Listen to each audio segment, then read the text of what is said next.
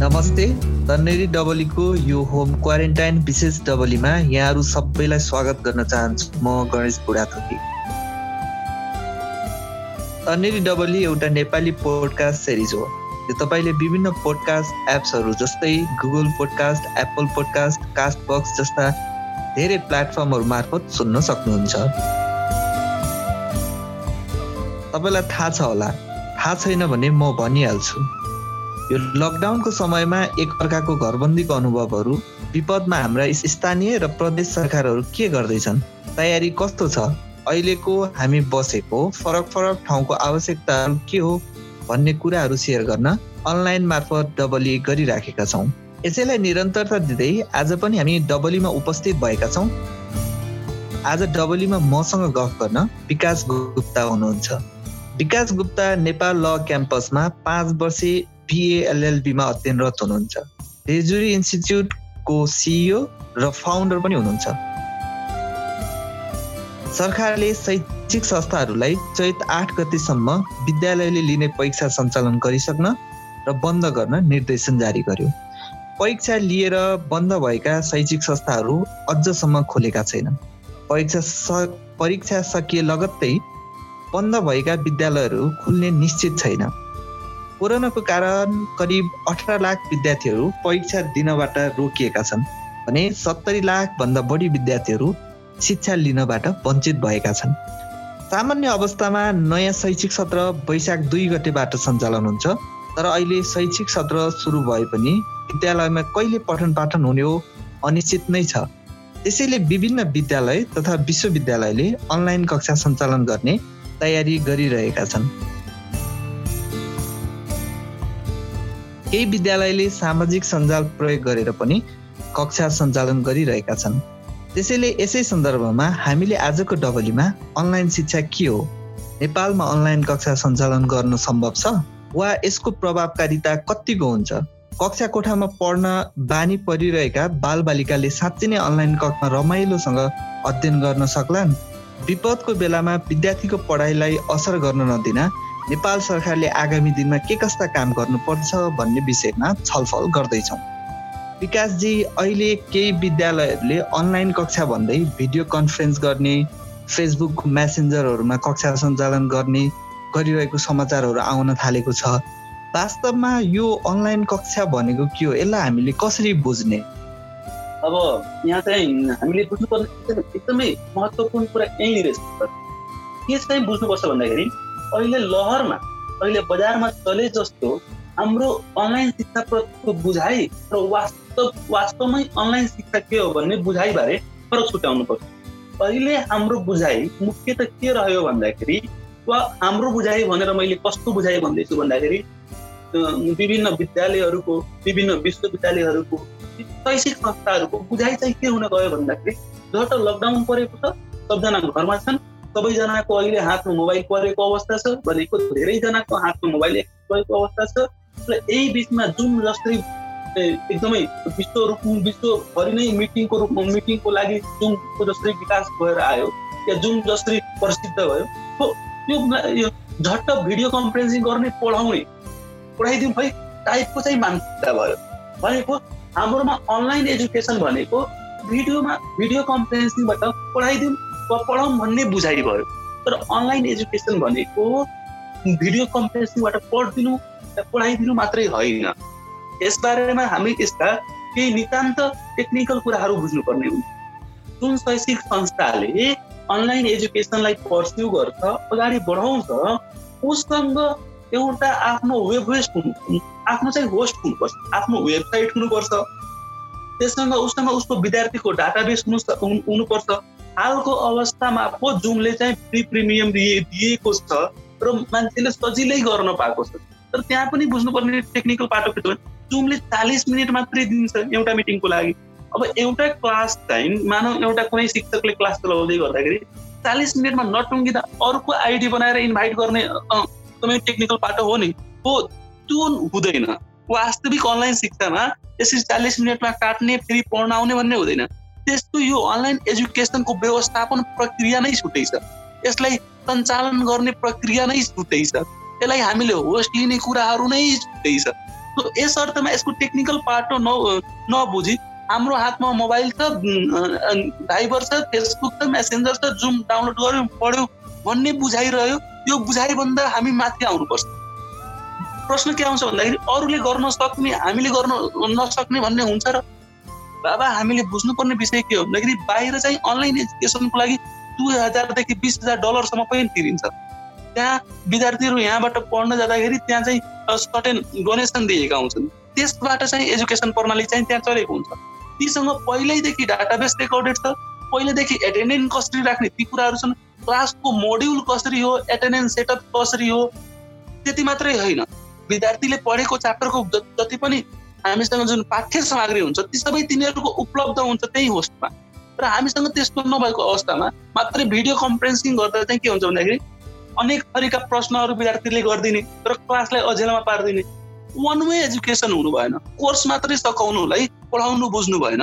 विद्यार्थीलाई वास्तविक रूपमा सिकाउन सक्नु नै शिक्षाको मूल मर्म हो नि। त्यो मूल मर्ममाथि चाहिँ अहिलेको जुमिङ प्रणालीबाट म यो अहिलेको अवस्थालाई के के चाहिँ टर्म दिन्छु भन्दाखेरि जुम एजुकेसन भन्छु क्या। अहिले नेपालमा मान्छेले जसलाई अनलाइन एजुकेसन भन्दैछन् त्यो चाहिँ प्रस्थितिपूर्वक आइपुगेको अहिलेको अवस्थामा चाहिँ जुम एजुकेसन हो। जुम भन्ने एउटा एपले सबैभन्दा धेरै सहुलियत गरिदिएको छ र त्यो एपको उच्चतम प्रयोग गरेर अलिकति प्रचारमुखी बन्नु बन्नु भनेको त्यसलाई अनलाइन एजुकेसन भन्नु चाहिँ होइन है। त्यसलाई जुम एजुकेसन चाहिँ भनौँ। अनलाइन एजुकेसनको प्राविधिक बाटो त्यसको टेक्निकल पार्ट हो त्योसँग जुडी जुडेको धेरै कुराहरू छन् जुन अरू नामै चलेका विद्यालयहरूले पनि गर्न सकेका छैनन्। नामै चलेका विद्या विद्यालयहरू शैक्षिक संस्थाहरूसँग पनि यति सानो बुझाइरहे कि बाहिर अनलाइन एजुकेसन कसरी गराइन्छ ती बारेमा अध्ययन गरेर अगाडि बढाउँ लहरमा गरिहाल्नु भनेर आम त फाले तर ती आम फल्दा चाहिँ प्रभावशाली भएको चाहिँ देखिँदैन। झट्ट विद्यार्थी विद्यालयलाई के हुन्छ भन्दाखेरि मैले अनलाइन एजुकेसन गराइरहेको छु। प्यारेन्टले पनि मेरो मेरो बच्चा प्रति त एकदमै स्कुल चाहिँ कन्सर्न छ। तर यसले एउटा एक्सपेन्सिभ पनि त थपेको छ। थप स्ट्रेस थपेको छ। हो यतिको लागि अनलाइन एजुकेसन हुनु नै हुँदैन सञ्चालन गर्नु हुँदैन भन्ने होइन। तर त्यो गर्दा चाहिँ कमसे कम न्यूनतम अध्ययन त गर्नुपर्छ न्यूनतम अनुसन्धान त गर्नुपर्छ न्यूनतम प्रक्रिया त अप्नाउनु पर्छ दुई महिनाको समय थियो लकडाउन हुनुभन्दा पूर्व। ती समयमा केही गरिएन। लकडाउन भएको एक महिना भन्दा पनि केही गरिएन। कमसे कम विश्व परिवेशमा त्यसलाई अनलाइन एजुकेसनलाई कसरी व्यवस्थापन गरेको छ त्यो नबुझी अनलाइन एजुकेसनमा हार्म फाल्नु भनेको एकदमै त्यो प्रभावशाली त एकदमै हुँदै हुँदैन। एकदमै दुःखजनक कुरा पनि हुन्छ। हामीले एकदमै यसलाई यो कुरालाई चाहिँ मनन गर्नै पर्ने हुन्छ। यो कुरालाई मनन गरेन भने जस्तै जहाँ यी सबै मैले जति पनि जटिलता बताएँ नि तपाईँको वेबसाइटदेखि लिएर तपाईँको होस्टिङको लार्जर होस्टिङको कुरादेखि लिएर स्टोरेज प्रब्लमदेखि लिएर स्टडी मेटेरियलका कुराहरूदेखि लिएर यी सबै व्यवस्थापन भएको देशमा पनि कक्षा सञ्चालन भएको अवस्थामा अमेरिकामा लस एन्जल्समा पचास पर्सेन्ट भन्दा कम आधा भन्दा कम वा आधा मात्रै विद्यार्थीको सहभागिता रहेको भन्ने देखिन्छ भने हाम्रोमा कसरी सहभागिता बढाउने त भएकै प्रविधि प्रयोग गर्दा पनि कति ठाउँबाट विद्यार्थी विद्यार्थीहरूले जु जुमिङ एपबाट पढ्ने बेलामा अनावश्यक गफ गरेर चाहिँ समय खेर फालेको पनि त्यसलाई अनावश्यक रूपमा प्रयोग गरिएको पनि देखिन्छ। र सम्भवतः यो होडबाजी हो प्रचारमुखी हो यसले चाहिँ प्रभावशालीता फाइदाजनक विद्यार्थीलाई चाहिँ एकदमै के भनौँ त्यसलाई क्रिएटिभ बनाउँछ भन्ने चाहिँ होइन। मलाई त्यति चाहिँ लाग्दैन। र अहिले त्यो आशा पनि मैले त्यतिसम्म गरेको छैन। अब यसबारे मैले अहिलेलाई यति भन्न चाहे। नेपालमा अनलाइन क्लास यो महामारी पछि चाहिँ अलिक चर्चाको विषय पनि बन्यो। अनि सुरुवात केही विद्यालयहरूले सुरुवात पनि गरिसक्यो। तपाईँको विचारमा चाहिँ नेपालमा अनलाइन कक्षा कतिको सम्भव छ जस्तो लाग्छ? पहिले त गणेशजी हामीले बुझ्नुपर्ने कुरा के हुन्छ भन्दाखेरि अनलाइन शिक्षाले हामीलाई के सहुलियत प्रदान गर्छ? यसको सबल पक्ष चाहिँ के हो? त्यति कुरा सबल पक्ष बुझ्यौँ भने हामीलाई यसका चुनौतीहरू बुझ्नुलाई अलिक सजिलो हुन जान्छ जस्तो लाग्छ मलाई। यसको अब पहिलो हामीले सबल पक्ष भन्नुपर्दा के छ भन्दाखेरि विद्यार्थीले शिक्षा लिनलाई कलेज नै गइराख्नु नपरोस् भन्ने अवधारणा हो इ लर्निङ जसलाई हामीले अनलाइन शिक्षा भन्ने गर्छौँ। यो भनेको विद्यार्थीले आफ्नो अनुकूल आफ्नो सुविधा अनुकूल चाहिँ सुहाउँदो वातावरणमा कस्ट इफेक्टिभ रूपमा पढ्न सक्ने माध्यम हो इ लर्निङ हो यस्तो इ लर्निङको कुरा रहन्छ तर हामीले बुझ्नुपर्ने अहिले करोनाले गर्दा संसारभरिकै शिक्षा प्रणालीहरू प्रभावित छन्। नेपालको मात्रै नभएर संसारका विभिन्न चर्चित विश्वविद्यालयहरूका पनि पठन पाठन चाहिँ कोरोनाले गर्दा प्रभावित परेको अवस्था छ। यस्तो अवस्थामा चाहिँ अनलाइनको कुरो अनलाइन एजुकेसनको कुरोहरू चाहिँ अनलाइन अनलाइनबाट पढाउने कुराहरू चलेका छन्। यद्यपि यसका चाहिँ ग्लोबल लेभलमा कुरा गर्ने हो भने त्यसका पनि केही जटिलताहरू छन् केही चुनौतीहरू छन्। नेपालको लागि कुरा गर्ने हो भने नेपालका लागि विशेष चुनौतीहरू छन्। विशेष चुनौतीहरूमा म मैले तपाईँलाई तिन चारवटा बुद्धागत नै भन्नुपर्दा चाहिँ पहिलो के बुझ्नुपर्छ भन्दाखेरि प्रविधिमा पहुँच हाम्रो प्रविधिमा टेक्नोलोजीमा कतिको पहुँच छ त? उदाहरणको लागि टियुमा अझै पनि तपाईँको हरेक क्याम्पसहरू त्यो माथ तहका जति पनि कलेजहरू छन् ती सबै डिजिटलाइज नभइसकेको अवस्था छ।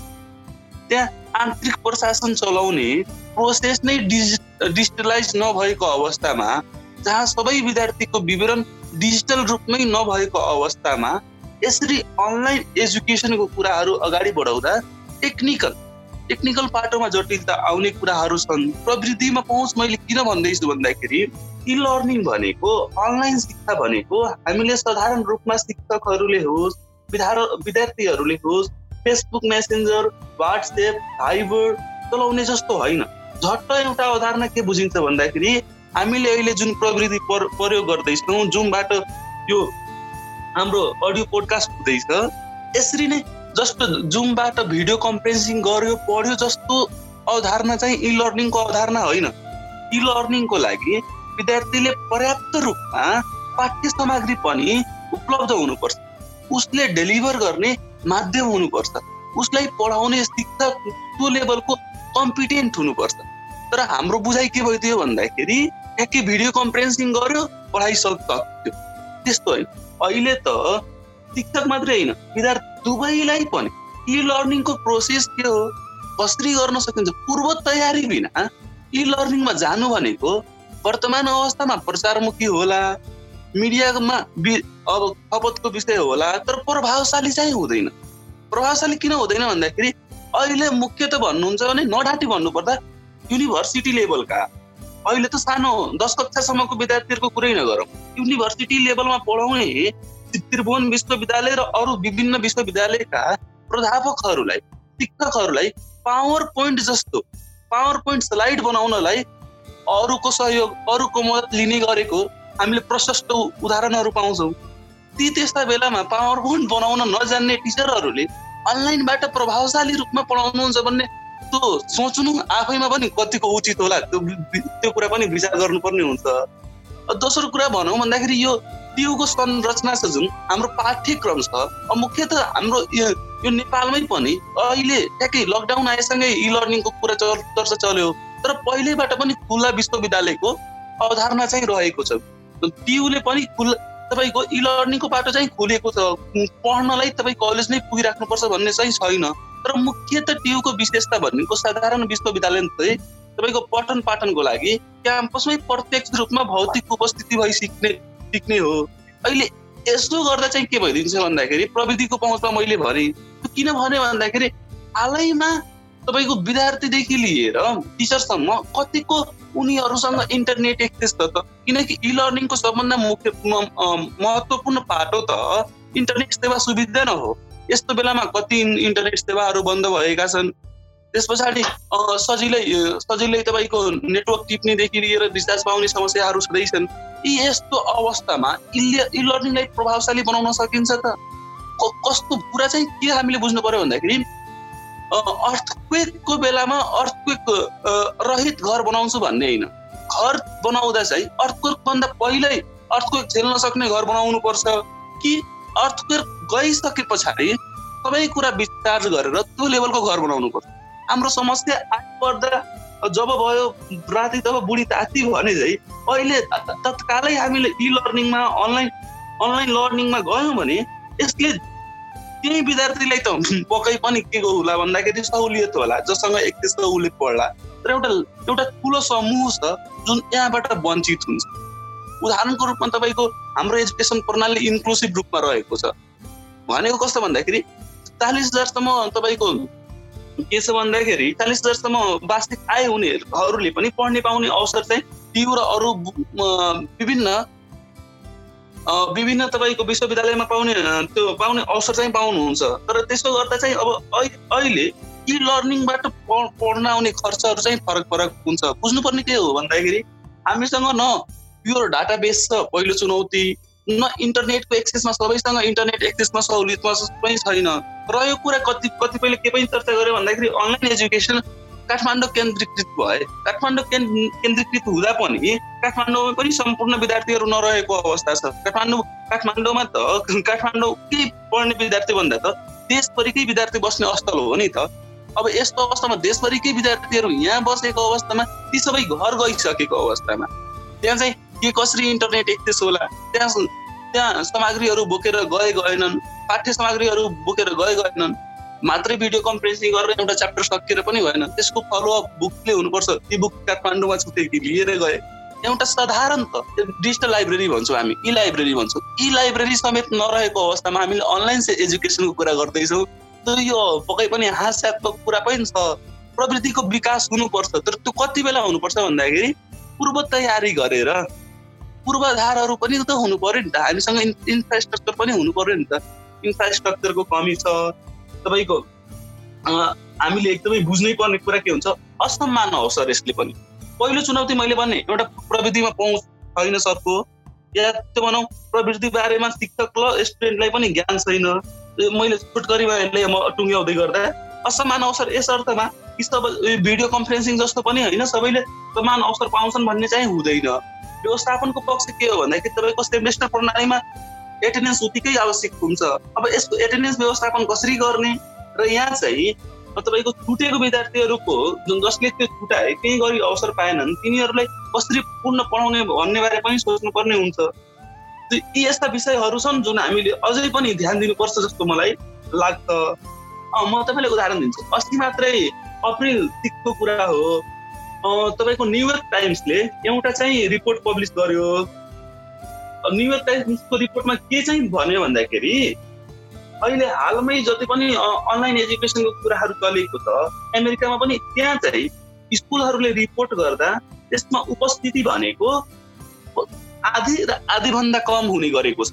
भनेको जहाँ अमेरिका जस्तो देश उसँग प्रविधि छ उसँग हरेक टेक्नोलोजीको उसँग स्रोत साधनहरू छन् हरेक स्रोत साधन बावजुद पनि आधा र आधाभन्दा कम विद्यार्थीहरूले मात्रै यो माध्यमबाट अनलाइन शिक्षा माध्यमबाट जोड्न सक्नु भनेको त आधाभन्दा धेरै विद्यार्थीहरू पढ्न पाउने अधिकारबाट वञ्चित हुनु हो नि त।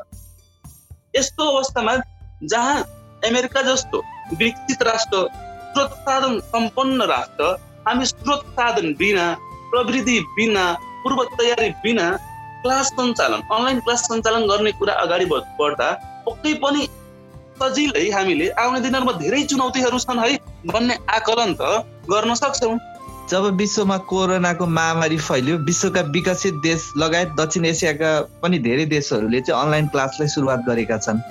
अनि नेपालमा पनि वैशाख चैत्र एघार गते लकडाउन सुरु भयो। लकडाउन सुरु भइसकेपछि किनकि अहिले हामी शैक्षिक सत्रको लकडाउन सुरु हुँदाखेरि त शैक्षिक सत्रको सुरुवातमा पनि थियौँ। र त्यो कारणले पनि शैक्षिक शास्त्र प्रभावित हुने हो कि के हुन्छ कसो हुन्छ भन्ने सबै सरकारवाला निकायलाई पनि चासोको विषय भयो। आम विद्यार्थी त्यसपछि अभिभावकलाई पनि चासोको विषय थियो। र एउटा यो चुनौतीपूर्ण घडीमा चाहिँ यो एउटा अवसरको रूपमा लिन सकिन्छ कि भनेर शिक्षा मन्त्रालयले पनि एउटा कार्यदल बनाएर यसमा काम गरिराखेको छ। र विद्यालयहरूले सुरुवात पनि गरेका छन्। त्रिभुवन विश्वविद्यालयले पनि निर्देशिका जारी गरेर यसमा काम गरौँ भनेको छ। र कति अरू विश्वविद्यालयहरूले पनि यसको सर्वेक्षण गरिराखेका छन्। अघि तपाईँले भने जस्तै पनि होइन? यसरी हेर्दाखेरि चुनौती चाहिँ पक्कै पनि छ। नेपालमा अनलाइन शिक्षा चाहिँ प्रविधिको विकासको हिसाबले पूर्वाधारको विकासको हिसाबले हाम्रो भौगोलिक अवस्थाको हिसाबले र विद्यार्थी अव्यस्त नहुने। अहिले तपाईँले भने जस्तै शिक्षकहरू पनि अव्यस्त नभएको कारणले चाहिँ यसमा पक्कै पनि चुनौती छ। तर यसलाई यो समस्यापूर्ण घडीमा यो चुनौतीपूर्ण समयमा चाहिँ यसलाई अवसरको रूपमा लिएर तत्कालको लागि मात्र नसोचेर दीर्घकालीन रूपमा सोचेर यसमा विभिन्न योजनाहरू बनाएर शिक्षा मन्त्रालय लगायत सरकारवाला निकायले विभिन्न योजनाहरू बनाएर अगाडि लग्यो भने अहिलेको विपदमा हामीलाई यो चुनौतीपूर्ण भए पनि अब आउने विपद भनेर त सधैँ आइरहन्छ। अब आउने विपदमा चाहिँ यसले हामीलाई सहयोग गर्छ भन्ने नै हो। एउटा के छ भने यो उच्च स्तरीय शिक्षा आयोगको प्रतिवेदन दुई हजार पचहत्तर अनुसार चाहिँ देशमा कम्प्युटर पुगेका सामुदायिक विद्यालयको सङ्ख्या चाहिँ बाह्र प्रतिशत मात्रै छ भनेर उल्लेख गरेका छ। इन्टरनेट सुविधा भएका विद्यालयहरू जम्मा तेह्र प्रतिशत छन्। जबकि बिजुलीको सुविधा भएका विद्यालय पैँतिस प्रतिशत छ भने दस हजार सामुदायिक विद्यालयमा कम्प्युटरको व्यवस्था छ भनेको छ। यसै हेर्दाखेरि प्रविधि र पूर्वाधारको हिसाबले चाहिँ हामी अलिक पछाडि नै छौँ। तर नेपालमा अहिले अब धेरै पछाडि छौँ हामीले यो कुरालाई एक्सेप्ट गर्नै पर्छ मनन गर्नै पर्छ हामीले हजुर। अब अहिले हामीले अहिले हामीले हेर्दाखेरि चाहिँ नेपालमा केही विद्यालयहरू र विश्वविद्यालयले अनलाइन क्लास सुरु गरिसके। हाम्रो विद्यार्थीहरू हामी यस्तो हाम्रो संस्कार यस्तो छ कि हामी चाहिँ विद्यालयमा गएर दस हजारसम्म पढेर त्यसपछि सरसँग इन्टरेक्ट गरेर त्यहाँबाट कुरा सिके सिकेर व्हाइट बोर्ड अथवा ब्ल्याक बोर्डमा पढेर आएको हामी विद्यार्थीहरूको लागि। यो त रियल लाइफ र रियल लाइफमा त फरक हुन्छ। हामीले रियल लाइफमा हामीले सिकिराखेका छौँ हामीले पढाइराखेका छौँ। अहिले चाहिँ अब यो रियल लाइफमा हामीले अनलाइन प्लेटफर्मबाट पढ्दाखेरि साँच्चै यो प्रभावकारी हुन्छ त। यसको शैक्षिक गुणस्तरको कुरा उठ्छ नि। यो शैक्षिक गुणस्तरको कुरा उठ्दाखेरि चाहिँ साँच्चै सञ्चालन गरिराखेका जुन विद्यालयहरू छन् विश्वविद्यालयहरूले सुरु गर्दैछन् यो साँच्चै प्रभावकारी हुन्छ? तपाईँलाई के लाग्छ? प्रभावशालिताको हिसाबले मैले तपाईँले एउटा उदाहरणबाट सुरुवात गरेँ। घरबाट के एउटा एकजना दाइले फोन गरेर के भन्नुभयो भन्दा बाबु मलाई स्कुलबाट फोन आएको थियो। सानो भाइ एक क्लासमा पढ्छ। उसको लागि वाट्सएप र के के एप के के एप डाउनलोड गरेर व्यवस्थापन मिलाउनु चाहिँ हामीले अनलाइन सञ्चालन गर्दैछौँ। भनेपछि विद्यार्थीको शिक्षाको लागि त्यसमा सम्बन्धित विभिन्न पक्षहरू ती विद्यार्थीको गार्जियन ती विद्यार्थीलाई पढाउने शिक्षक त्यो व्यवस्था त्यो व्यवस्था मिलाउने स्कुल र त्यस पछाडि पोस्ट कन्टेन्टका कुराहरू रहन्छ सबैलाई हामीले एक गरी मिलाएर हेर्नुपर्छ कि यसले जटिल जटिलता कहाँनिर ल्याउँछ? बानी एउटा बानी परिसकेको हामीले गर्दै आएको कुरा छोडेर अर्कोमा सिफ्ट हुन लर्निङ प्रोसेसलाई सिफ्ट गर्न पक्कै पनि जसलाई पनि अप्ठ्यारो हुन्छ। र अहिले त ब्याचलर लेभलका विद्यार्थीलाई भन्दा पनि तपाईँको दस क्लाससम्मको बच्चालाई भन्नु ती बच्चाहरूलाई सबभन्दा गाह्रो चाहिँ कहाँनिर छ भन्दाखेरि हिजो एउटा लर्निङ प्रोसेस थियो आज अर्को लर्निङ प्रोसेस एडप्ट गर्नमा त्यो वातावरणमा पहिला घुल्नै मिलिएको थियो अवसर नपाउनेहरूको त कुरै छोडिदियो जसले अवसर पाइरहेछ जसले ती सबै कुरा सबै प्रिभिलेज हुँदा सबै सेवा सुविधा भएर ती ती एक्सेस गर्ने मौका पाए तिनीहरूले नै त्यो प्रोसेसमा आफूलाई एडप्ट कसरी गर्ने भन्ने बारे पनि अहिले हामीले सोच्नु पर्छ जहाँ कि एउटा ठुलो ठुलो जमात छ जसको मानौ जसले छुटायो जसले पढ्न छुटाएन उसको मानसिक ट्रमा चाहिँ कस्तो पर्ला? भनेको के भन्दाखेरि मेरा मेरा समकक्षीहरू मेरा साथीहरू अनलाइन क्लास लिइरहेछ। मैले कुनै एउटा एउटा एउटा दुइटा कारणवश मैले त्यो क्लास लिन सकिनँ भने मेरा साथीहरूले त पढिसके भ्याइसके म म मेरो त छुट्ने भयो मैले नजान्ने भएँ ओ यो ट्रमा चाहिँ यो ट्रमाभन्दा बाहिर यो ट्रमाले विद्यार्थीलाई कस्तो मनोवैज्ञानिक असर पार्ला? यो एकदमै एकदमै सोच्नु पर्ने यो मनोवैज्ञानिक कारण चाहिँ हामीले सोच्नै पर्ने हुन्छ। किनकि विद्यार्थीमा हामीले जानी नजानी आज हामीले शिक्षा पद्धतिमा सिकाउने कुरा भन्दा पनि गोकाउने कुरातिर जुन लगेको छौँ नि पढाउने कुरा सिकाउने कुरा भन्दा पनि कोर्स कसरी कम्प्लिट गरेर भ्याउने यो कोर्स कम्प्लिट गर्ने लहर हो त्यसलाई हामी बुझौँ। अनलाइन एजुकेसन भनेको अहिले समयमै समयभन्दा पहिल्यै कोर्स कम्प्लिट गरौँ है भन्ने लहर जबकि शिक्षा पद्धतिको पहिलो मुख्य प्राथमिकता भनेको नयाँ सिपहरू सिकाउने हुनुपर्छ ओ सिकाउने कुरा चाहिँ अनलाइनको मार्फतबाट गर्न सकिन्छ। त्यसका लागि विभिन्न पाटाहरू छन्। तर पढाउने कुरामा चाहिँ जब पढाउन पढाउने कुरा र सिकाउने कुरा यी फरक कुरा हुन्। पढाउने कुराको अवधारणा चाहिँ कहाँ जोडिन्छ भन्दाखेरि पढाउनको लागि एउटा नियमित टिचर तोकिएको हुन्छ। त्यसको लागि एउटा नियमित विषयवस्तु हुन्छ र ती टिचरले ती विषयवस्तुहरू चाहिँ एउटा निश्चित विद्यार्थीहरूलाई पढाइदिने गर्छ। यी पढाउने प्रक्रिया भने सिकाउने प्रक्रिया विभिन्न हुन सक्छ। सिकाउनको लागि हाम्रो अलिकति साहब मात्रै इन्डक्सन मात्रै चाहिन्छ भने पढाउनको निम्ति हाम हामीले त्यो एउटा विषयवस्तु केन्द्रित केन्द्रीकृत भएर त्यो धेरै डेप्थमा जानुपर्ने हुन्छ। अब यस्तोमा यहाँले राखेको प्रश्नको उत्तर भन्नुपर्दा एउटा मनोवैज्ञानिक अवसर विद्यार्थीहरूलाई पर्ने नै भयो। त्यस त्यस अर्थमा यो प्रभावकारी देखिँदैन। दोस्रो चाहिँ यसको मूल्याङ्कन पद्धति कस्तो त? किन भन्दाखेरि सहभागितामूलक एजुकेसन भएन यो। क्लासरुममा जे जति भने पनि टिचरले पढाउँदै गर्दाखेरि आएको क्वेसन क्युरी राख्न सकिन्छ। र विद्यार्थीलाई सहभागी बनाएर सहभागी सहभागितामूलक या सहभागी गराइ पढाउने प्रक्रिया चाहिँ अलिकति बढी प्रभावकारी हुन्छ। तर यसरी वान वे लर्निङमा जहाँ टिचरले डिक्टेट गर्नु र विद्यार्थीले सुन्नु मात्रै त्यस पछाडिको ब्याकअप के त? भिडियो कम्प्रेन्सिङ सकिसके पछाडि ती प्रोसेस सकिसके पछाडि विद्यार्थीले पढ्यो पढेन त्यस पछाडि कुन बुक पढ्ने त? त्यस पछाडि के पढ्ने त? गृह कार्य कसरी गर्ने त? ती बारेमा पनि यो प्रभावशाली नहोला कि भन्ने आशंका धेरै छ। किन किन किन किन भन्नुहुन्छ भन्दाखेरि हेर्नुहोस् न तपाईँले त्यहाँकै अनलाइन एजुकेसनको मार्फतले हामीले कोर्स सकाउँला त्यो सकाउने हतारो होला। त्यसो त्यसो गर्दै गर्दाखेरि ती विद्यार्थीलाई हामीले पार्टिसिपेटरी रूपमा त लगाउन सकेनौँ नि। उसलाई त्यहाँ हामीले इन्भल्भ गराउन सकेनौँ। जो इन्भल्भ छन् उसले राम्ररी सिक्न सकेन। त्यति एकचोटि पढाइसकेको कुराको ब्याकअप रहेन। छुटेकाहरूको लागि एउटा लुपोल्स हुने भयो। यी सबै अवस्थाले के हुन्छ भन्दाखेरि लर्निङ प्रोसेसमा लुपोल्स क्रिएट गर्छ यसले प्रभावकारी चाहिँ बनाउँदैन। प्रभावकारी कतिखेर हुन्छ भन्दाखेरि पूर्व तयारी हामीले गरिसकेको भए पहिल्यै सबै विद्यार्थीले यस्तो यस्तो हुन्छ यो गर्ने प्रोसेस यसरी हो तपाईँहरूले यसरी यसरी यो क्लास लिइसके पछाडि यी यी कामहरू निम्न कामहरू यसरी गर्नुहुन्छ यो रेकर्डेड यसरी हुन्छ। त्यो पूर्व तालिम दिएर पूर्व तयारी गराई पूर्व पूर्वाधारहरूको विकास विकास वा पूर्वाधारहरू उपलब्ध भएको अवस्थामा एकदमै प्रभावकारी हुन्थ्यो। प्रभावकारी नहुने कुरामा चाहिँ कुनै सवाल नै छैन। तर हालको अवस्थामा चाहिँ प्रभावकारी नहोला भन्ने आशंका मलाई लागेको छ। हाम्रो आगामी दिनमा आउने दिनहरूमा कार्यसूची के कस्तो हुने हो? त्यो मोड्युल चाहिँ नराम्रो चाहिँ होइन। तर त्यो हामीलाई अहिलेको वर्तमान अवस्थामा कतिको प्रभावशाली कतिको फाइदाजनक विद्यार्थीहरूको लाभदायी छ कि छैन? यसले झनै एउटा जटिलता के के पनि राखिदिएको छ भन्दाखेरि गार्जियनहरू जहाँ विद्यार्थीको गार्जियनहरू धेरै लेभलमा अनस्किल्ड छ। आफू नपढे पनि आफ्नो बल बाल बच्चालाई विद्यार्थी आफ्नो छोराछोरीलाई पढाउन चाहेको जति पनि गार्जेनहरू हुनुहुन्छ उहाँहरू पनि त स्किल ओरिएन्टेड हुनुहुन्न। उहाँहरू पनि त यसरी टेक्नोलोजी फ्रेन्डली हुनुहुन्न। त्यस्तो अवस्थामा एउटा इमेजिन गर्नु एक दुई तिन चार पाँच छ क्लास पढ्ने बच्चाहरूको लागि ती गार्जियनले कसरी म्यानेज गर्ने त?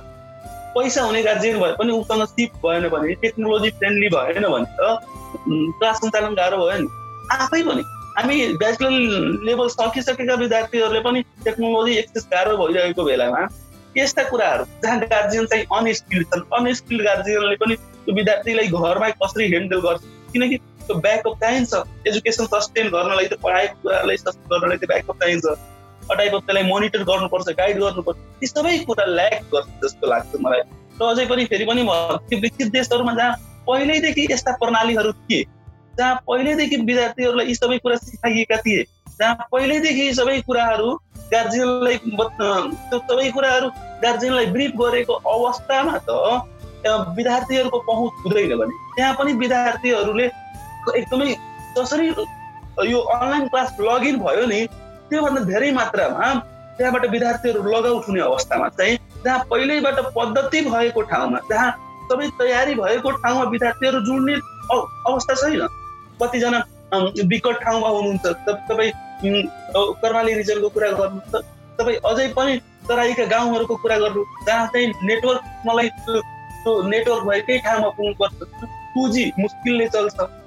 हो त्यस्ता अवस्था भएर एउटा एउटा रमाइलो प्रसङ्ग के आइरहेको थियो भन्दाखेरि विद्यार्थीहरूलाई अनलाइन कक्षाको लागि बल्ल तल्ल नेटवर्क पाएर टिचरलाई फोन गरेर रहेछ फोन गरेर बुझ्दै गर्दा चाहिँ सरले सरलाई भने रहेछ सर टु जी हो नेटवर्क अगाडि नै आएर फोन गर्नु पर्यो।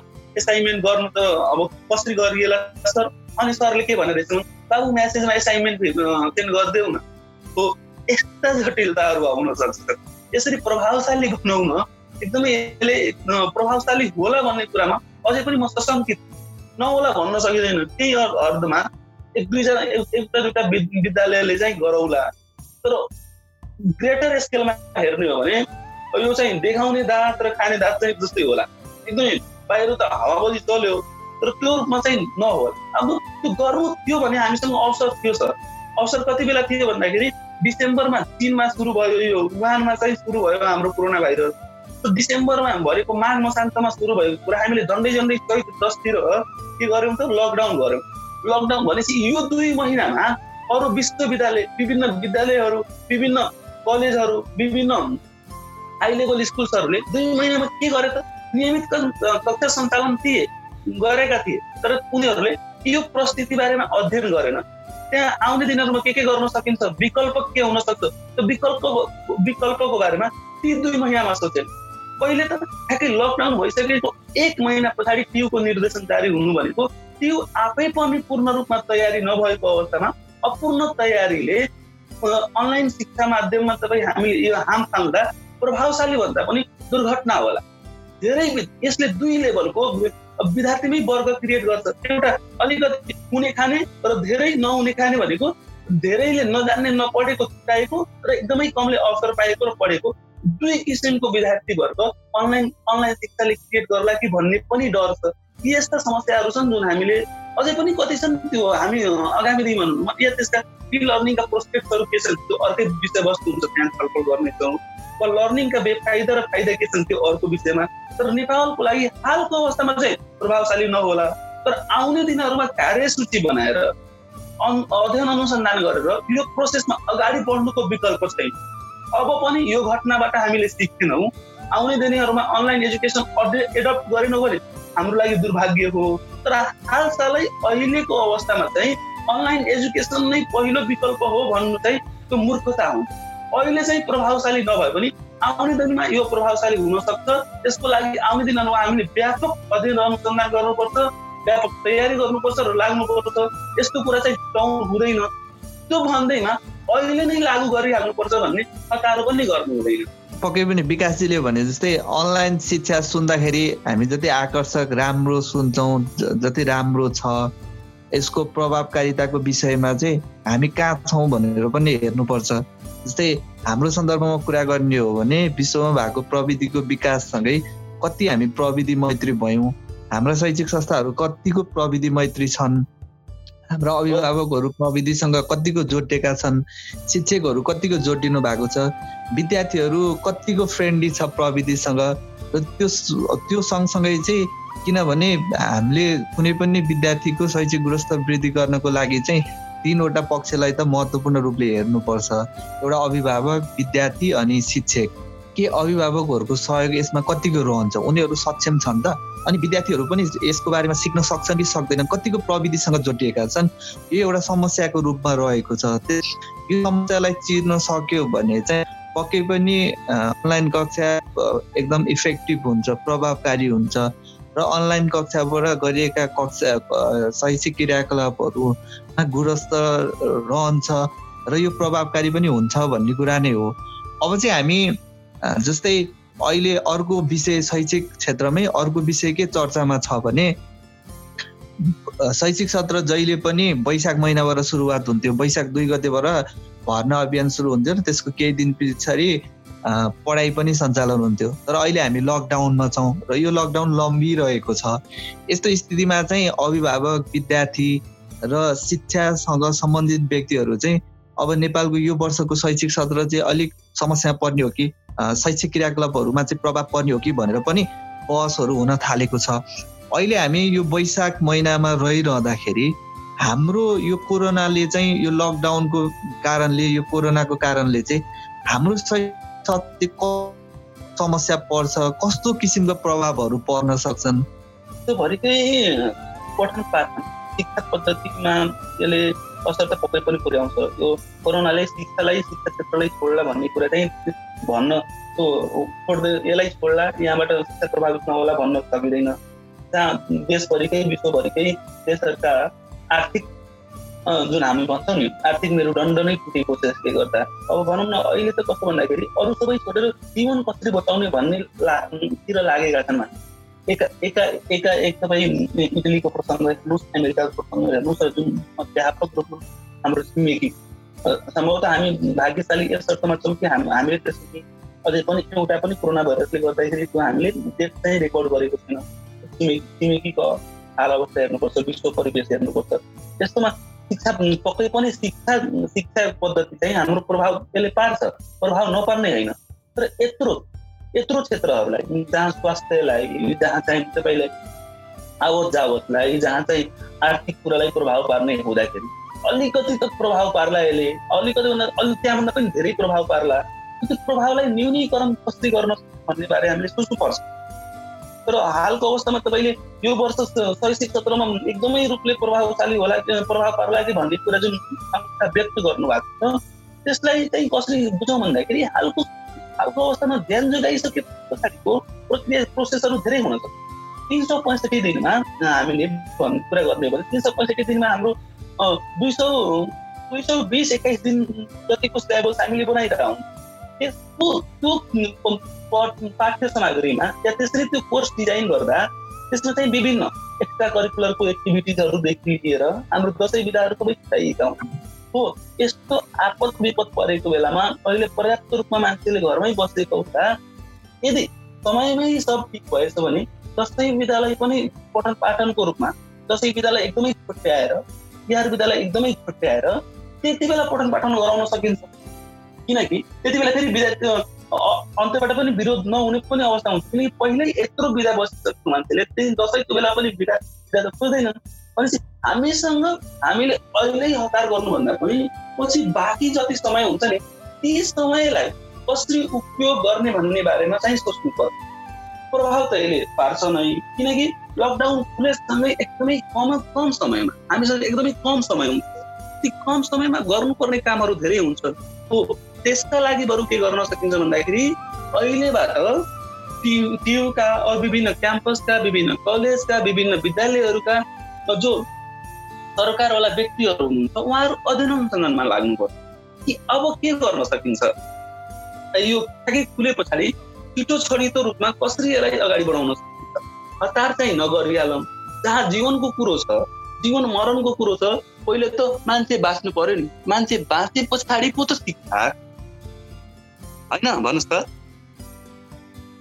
हो। यस अर्थमा हामीले अब गर्नुपर्ने कुरा यसरी विचार गर्नुपर्ने कुरा त्यही रहन्छ कि हामीले कम समयमा भएको कम समयमा गर्नुपर्ने कामहरू धेरै हुन्छ। ती बारेमा अहिलेबाट सोच्ने तयारी गर्ने तर अहिले नै तयारी बिना पूर्व पूर्व हामीले तालिम बिना पूर्व अहिले ठ्याक्कै पूर्वाधार बिना यो अनलाइन शिक्षामा काम फाल्नु भनेको दुर्घटना मात्रै हुन्छ यसले समाधान भन्दा पनि दुर्घटना निम्ति आउँछ त्यसले चाहिँ तपाईँको सिकाउने वातावरण भन्दा पनि मान्छेमा विद्यार्थीहरूमा एउटा चाहिँ त्रास चाहिँ सिर्जना गरिदिन्छ। विद्यार्थीमा एउटा मनोवैज्ञानिक असर पर्न जान्छ। अनावश्यक एउटा कोरोनाको समस्या एउटा मानसिक रूपमा भइरहेकै अवस्थामा यसले एउटा अनावश्यक रूपमा अझै पनि थप स्ट्रेस चाहिँ अझै पनि यसले चाहिँ तनाव चाहिँ थप्ने काम गर्छ। जबकि हामीले यो बेला चाहिँ तनाव मुक्त हुने र आफू चाहिँ स्वस्थ बस्ने सुरक्षित बस्ने बेला हो नि त। शैक्षिक सत्र अहिले नेपालको कुरा गर्ने हो भने शैक्षिक सत्र दुई सय बिस दिन भन्ने कुरा छ। र यसरी हेर्दाखेरि यो वैशाख एक महिनामा विद्यार्थीहरूले पढ्न नपाउँदा नै सबै शैक्षिक क्रियाकलापहरूमा असर गर्ने हो कि भन्ने छ। त्यो त सम्भव छैन। तर योभन्दा पछाडिको जुन विधाहरू छ सार्वजनिक विधा छ दसैँ तिहारको विधा छ अनि विन्टर भ्याकेसन भन्छ। त्यही अनुसारको सरकारी विद्यालयहरूमा बर्खे विधा भनेर पनि दिने गरेका छ र अब आउने विधाहरूलाई कटौती गर्दै गयो भने पनि शैक्षिक सत्रलाई खासै असर पार्ने देखिँदैन। यसमा हामीले पक्कै पनि ध्यान दिनुपर्छ। नत्र चाहिँ हामी पढाइको नाममा चाहिँ कक्षाहरू सक्ने कोर्सहरू सिद्धाउने नाममा मात्र अनलाइन कक्षा नगर्न यसलाई हामीले सजिलो तरिकाले लिएर सामान लिएर हामीले कक्षा सञ्चालन गरेको हो भने चाहिँ बच्चाले सिक्नुपर्ने कुराहरू छुट्छ पढाइ र सिकाइ भनेको फरक कुराहरू हो। अब जस्तै बि अभिभावक चेक विद्यालय लगायत सम्पूर्ण शैक्षिक क्षेत्रसँग सरोकार राख्ने मान्छेहरूले चाहिँ यसमा धेरै ध्यान दिन जरुरी छ ध्यान दिनुपर्छ। अब हामी कार्यक्रमको अन्त्यमा पनि छौँ विकासजी। अब यसमा चाहिँ हामी के भन्न चाहनुहुन्छ त्यसो शिक्षासँग सरोकारवाला व्यक्तिहरूलाई चाहिँ हुन्छ। पहिलो त हामीले हालको अवस्थामा विद्यार्थीको दुःख बुझौँ भन्ने मलाई लाग्छ। त्यो दुःख बुझ्नलाई के गरौँ भन्दाखेरि विद्यार्थी हितको निम्ति सम्बन्धित सबै क्याम्पसहरूले विद्यार्थीहरूको सम्पर्क विवरणमा सम्पर्क गरी हालको अवस्थामा परिस्थितिबारे बुझ्ने र सक्दो सहयोग के के गर्न सकिन्छ त सक्दो राहत के के दिन सकिन्छ त त्यो चाहिँ गर्ने। एकदमै यो प्राथमिकताको साथ पहिले त भएको सिर्जित हाम्रो आँखै अगाडि भएको दुःखको निवारण गर्ने हो नि? त्यो दुःख निवारण गर्नलाई सबै अभिभावक जब अभिभावकको कमी हुन्छ त्यति बेला विद्यालय विश्वविद्यालय चाहिँ अभिभावक बनेर उभिनु पर्ने अवस्था हुन्छ। हो यस्तो अवस्थामा भएको सम्पर्क विवरणमा विद्यार्थीलाई सम्पर्क गरी तिनीहरूका दुःख गम्भीरपूर्वक बुझी ती सबै समाधान गर्ने। पहिलो हालको अवस्थामा त्यस पछाडि अब गर्न के सकिन्छ त? शिक्षालाई कसरी प्रभावशाली बनाउन सकिन्छ? छुटेको कुरालाई कसरी कभर अप गर्न सकिन्छ? वा के गर्न सकिन्छ भन्ने बाटोमा अनलाइन माध्यमबाट पढाउन पो सकिँदैन। सिकाउने अरू कति कुराहरू छन्? क्रिएटिभ कुराहरू चाहिँ सिकाउने धेरै बाटोहरू छन्। त्यसको लागि के गर्न सकिन्छ भन्दाखेरि खुला प्रतिस्पर्धा गर्ने। भनेपछि जोसँग अवसर छ जसले त्यो एक्सेस पाए त्यसले सजिलै भाग लिएर केही एक्स्ट्रा गर्न पाए। त्यो भन्दैमा जसले अवसर पाएन उसले मैले धेरै ठुलै कुरा छुट्याएँ भन्ने पनि भएन। भनेपछि मनोवैज्ञानिक तवरले दुवैको अवस्था उही हुने भयो तर एउटाले चाहिँ केही उसको इन्ट्रेस्ट लागेर उसले केही एउटा एक्स्ट्रा स्किल्स सिक्ने भयो। भनेपछि एक्स्ट्रा स्किल्स सिकाउनेतिर अब तपाईँको यसै कम्पिटिसन अनलाइन हुनसक्छ कि अनलाइन भिडियो कम्पिटिसनहरू हुनसक्छ स्पिचिङ रिलेटेड विभिन्न डिस्कसन फोरमहरू हुनसक्छ विभिन्न टपिकमा छलफल गराउन सकिन्छ। जुनमा चाहिँ विद्यार्थीहरू भाग लिएर इन्ट्रेक्ट गर्न सकुन्। तर कोर्सको प्रेसर चाहिँ नहोस्। यो कोर्सको प्रेसर हटाउन हटाउ हटाएसँगै विद्यार्थीलाई क्रिएटिभ बनाउने बाटो चाहिँ एउटा खुला हुन्छ। धेरै विद्यार्थीहरूले ए मेरो कोर्स त मेरो कोर्स त सुरु भएको छ विद्यार्थी मेरो साथीहरूले पढिरहेछन् मैले छुट्याएँ भन्ने टाइपको फिलिङ्सबाट त बाहिर आए अब त्यस पछाडि जस जसलाई इन्ट्रेस्ट छ जस जसले जस जससँग सेवा सुविधा छ उसले त्यस पछाडिको त्यो भागमा त्यो त्यस पछाडिको काममा चाहिँ भाग लिन चाहिँ सजिलै पाउँछन् भन्ने कुरा चाहिँ हो। अनलाइन माध्यमलाई हालमा ठ्याक्कै कोर्स कम्प्लिट गराउनु भन्दा पनि विद्यार्थीलाई क्रिया क्रिएटिभ कसरी बनाउन सकिन्छ भन्ने गरी प्रयोग गरौँ।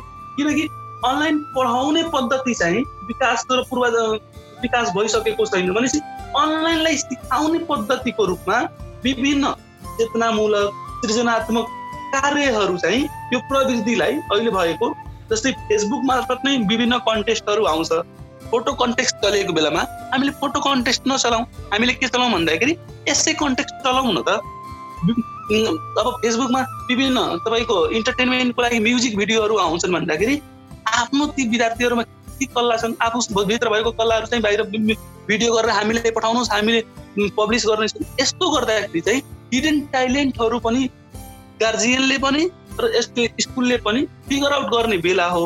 कोर्स मात्रै कम्प्लिट गरिदिएर त्यो गराउने जिम्मा मात्रै होइन। विद्यार्थीलाई क्रिएटिभ बनाउने जिम्मा पनि विद्यालय विद्यालयको भएकोले या विश्वविद्यालयको भएकोले शैक्षिक संस्थाको भएकोले यो अनलाइन माध्यमलाई अरू प्रतिस्पर्धाको रूपमा अरू सिकाइमूलक कार्यक्रम के के गर्न सकिन्छ त्यसरी प्रयोग गरौँ मात्रै चाहिँ मात्रै चाहिँ कोर्स कम्प्लिट गर्नको लागि प्रयोग नगरौँ।